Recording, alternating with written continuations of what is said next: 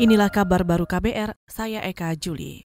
Saudara Menteri Hukum dan Hak Asasi Manusia atau Menkumham Yasona Lauli menyebut pasal-pasal dalam rancangan Kitab Undang-Undang Hukum Pidana atau RKUHP yang menjadi kontroversi hanya kesalahpahaman masyarakat. Yasona mengatakan Seharusnya pasal itu tidak diperdebatkan. Menurutnya, penilaian pasal bermasalah hanyalah ketidaktahuan masyarakat terkait pasal tersebut. Tentu kita harus menyiapkan diri untuk menyempurnakan beberapa hal-hal yang perlu kita selesaikan. Itu yang berkembang di masyarakat seperti KUHP, ya. Ada 14 isu yang dulunya walaupun sebetulnya 14 isu ini hanyalah ada beberapa yang hanya misunderstanding, yang kesalahpahaman di publik yang menanyakan sesuatu yang seharusnya tidak perlu ditanyakan. Ketidaktahuan masyarakat, kesalahpahaman, kesalah mengertian dari beberapa pasal-pasal itu. Menkumham Yasona Lauli juga menambahkan, untuk memperbaiki pasal-pasal yang dinilai krusial itu harus dilakukan pembahasan kembali, meski RKUHP sudah melewati pembahasan tingkat satu, namun dengan gejolak penolakan masyarakat memungkinkan rancangan undang-undang ini dibahas ulang.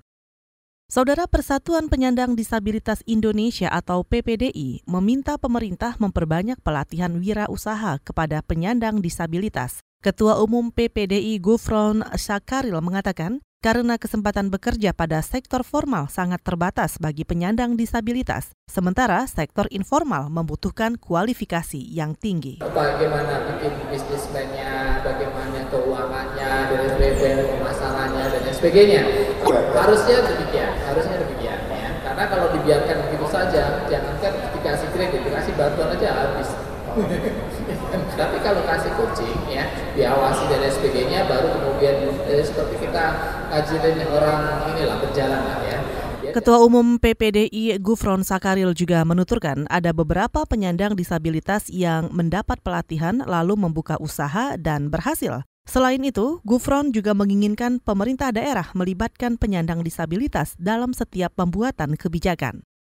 Saudara Presiden Joko Widodo berencana menjadikan kawasan Labuan Bajo, Nusa Tenggara Timur sebagai destinasi wisata yang eksklusif untuk para pelancong. Menurut Jokowi, Labuan Bajo akan menjadi bagian dari pengelompokan destinasi wisata super premium dibanding kawasan lain yang tergolong medium. Karena saya sampaikan, produk-produk ini tolong ada segmentasinya. Ada yang super premium, ada yang premium, ada yang menengah bawah, jangan dicampur-campur. Yang super premium juga ada kuotanya. Misalnya Labuan Bajo, nggak semua orang boleh ke sana. Bayarnya mahal. Misalnya, ini belum, baru didesain, tahun depan akan selesai. Jokowi juga menambahkan Labuan Bajo menjadi satu dari sepuluh program destinasi wisata Bali baru untuk menarik wisatawan asing. Jokowi juga mengatakan sejak 2018 hingga 2020, pemerintah berfokus membangun lima kawasan lebih, yakni Labuan Bajo, Mandalika, Danau Toba, Borobudur, dan Wakatobi.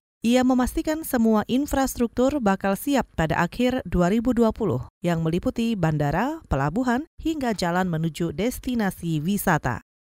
Kita ke berita olahraga. Hujan yang disertai badai tropis Kamuri diperkirakan turun di sebagian Filipina. Badai ini disebut mengancam pembukaan SEA Games 2019 yang berlangsung pada Sabtu malam 30 November ini. Ahli cuaca administrasi layanan geofisika dan astronomi Filipina, Benison Estaraja mengungkapkan, badai Kamuri diperkirakan melanda Filipina dari Sabtu hingga Minggu pekan depan. ST Raja juga mengatakan, badai Kamuri ini kemungkinan juga akan meningkat menjadi angin topan. Meski dihantui hujan disertai badai, kantor sipil Filipina yang ditunjuk sebagai unit keselamatan dan keamanan selama SEA Games 2019 sudah siaga membentuk kelompok kerja bersama. Mereka bertugas mengawasi dan menangani kemungkinan situasi darurat yang terjadi selama pembukaan SEA Games 2019.